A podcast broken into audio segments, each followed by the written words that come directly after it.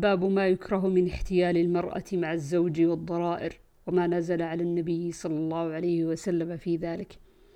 عن عائشة قالت كان رسول الله صلى الله عليه وسلم يحب الحلواء ويحب العسل وكان إذا صلى العصر أجاز على نسائه فيدنو منهن فيدخل, فدخل على حفصة فاحتبس عندها أكثر مما كان يحتبس فسألت عن ذلك.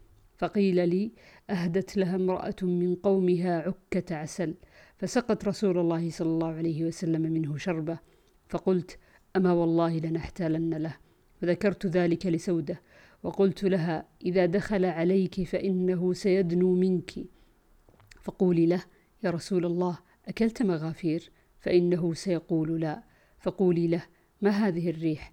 وكان رسول الله صلى الله عليه وسلم يشتد عليه أن يوجد منه الريح. فإنه سيقول سقتني حفصة شربة عسل. فقولي له جرست نحله العرفط وسأقول ذلك. وقوليه أنت يا صفية. فلما دخل على سودة قلت تقول سودة والذي لا إله إلا هو لقد كدت أن أبادئه بالذي قلت لي وإنه لعلى الباب فرقا منك. فلما دنا رسول الله صلى الله عليه وسلم قلت له يا رسول الله أكلت مغافير؟ قال لا. قلت فما هذه الريح؟ قال سقتني حفصة شربة عسل. قلت جرست نحله العرفط.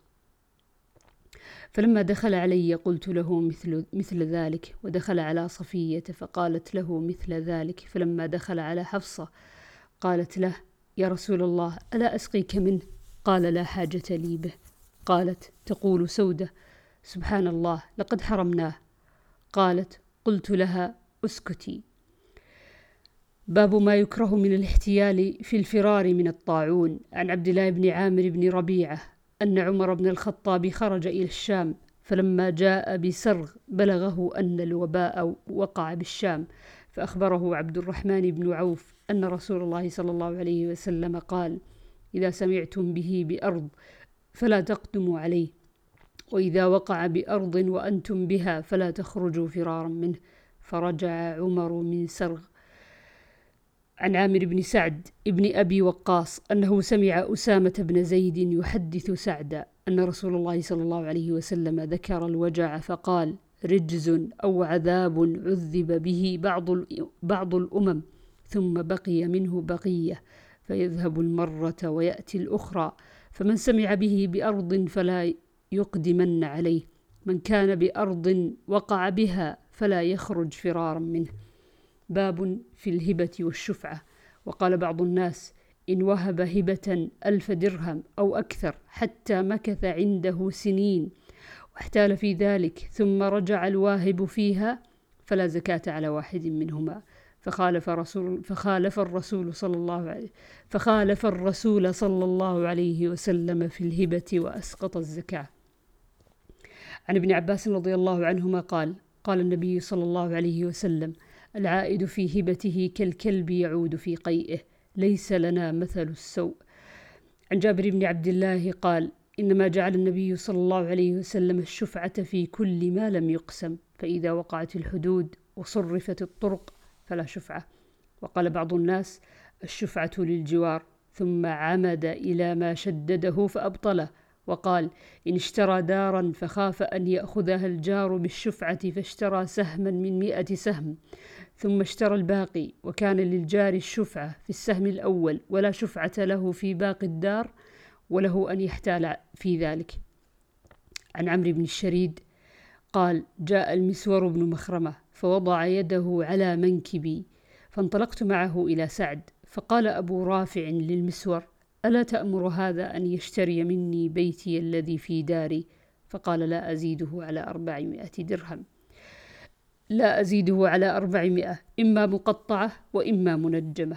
قال أعطيت خمسمائة نقدا فمنعته ولولا أني سمعت رسول الله صلى الله عليه وسلم يقول الجار أحق بسقبه ما بعتك أو قال ما أعطيتك؟ قلت لسفيان إن معمرا لم يقل هكذا. قال ولكنه قاله لي هكذا. وقال بعض الناس إذا أراد أن يبيع الشفعة فله أن يحتال حتى يبطل الشفعة فيهب البائع للمشتري الدار ويحدها ويدفعها إليه ويعوضه المشتري ألف درهم فلا يكون للشفيع فيها شفعة. عن أبي رافع أن سعدا ساومه بيتا بأربعمائة مثقال فقال لولا أني سمعت رسول الله صلى الله عليه وسلم يقول الجار أحق بسقبه ما لما أعطيتك. وقال بعض الناس إن اشترى نصيب دار فأراد أن يبطل الشفعة وهب ما اشتراه لابنه الصغير ولا يكون عليه يمين. باب احتيال العامل ليهدى له. عن أبي حميد الساعدي قال استعمل رسول الله صلى الله عليه وسلم رجلا على صدقات بني سليم يدعى ابن, يدعى ابن اللتبية. فلما جاء حسبه قال هذا مالكم وهذا هدية. فقال رسول الله صلى الله عليه وسلم فهلا جلست في بيت أبيك وأمك حتى تأتيك هديتك إن كنت صادقا. ثم خطبنا فحمد الله وأثنى عليه ثم قال أما بعد فإني أستعمل الرجل منكم على العمل مما ولاني الله فيأتي فيقول هذا مالكم وهذا هدية أهديت لي. أفلا جلس في بيت أبيه وأمه حتى تأتيه هديته؟ والله لا يأخذ أحد منكم شيئا بغير حقه إلا لقي الله يحمله يوم القيامة. فلأعرفن أحدا منكم لقي الله يحمل بعيرا له رغاء أو بقرة لها خوار أو شاة تيعر. ثم رفع يديه حتى رؤي بياض إبطه. يقول اللهم هل بلغت بصر عيني بصر عيني وسمع أذني. عن أبي رافع قال قال لنا النبي صلى الله عليه وسلم الجار أحق بسقبه. وقال بعض الناس إن اشترى دارا بعشرين ألف درهم. فلا بأس أن يحتال حتى يشتري الدار بعشرين ألف درهم وينقده تسعة آلاف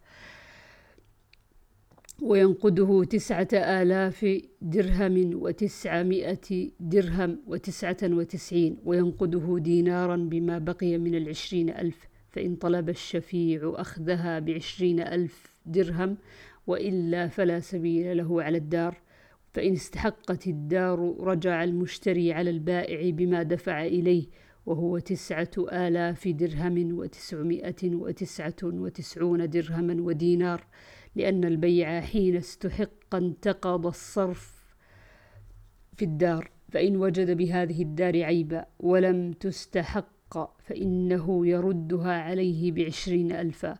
قال فأجاز هذا الخداع بين المسلمين قال قال النبي صلى الله عليه وسلم بيع المسلم لا داء ولا خبثة ولا غائلة. عن عمرو بن الشريد أن أبا رافع ساوم سعد بن مالك بيتا بأربع بأربعمائة مثقال. قال وقال لولا أني سمعت النبي صلى الله عليه وسلم يقول الجار أحق بسقبه ما أعطيتك.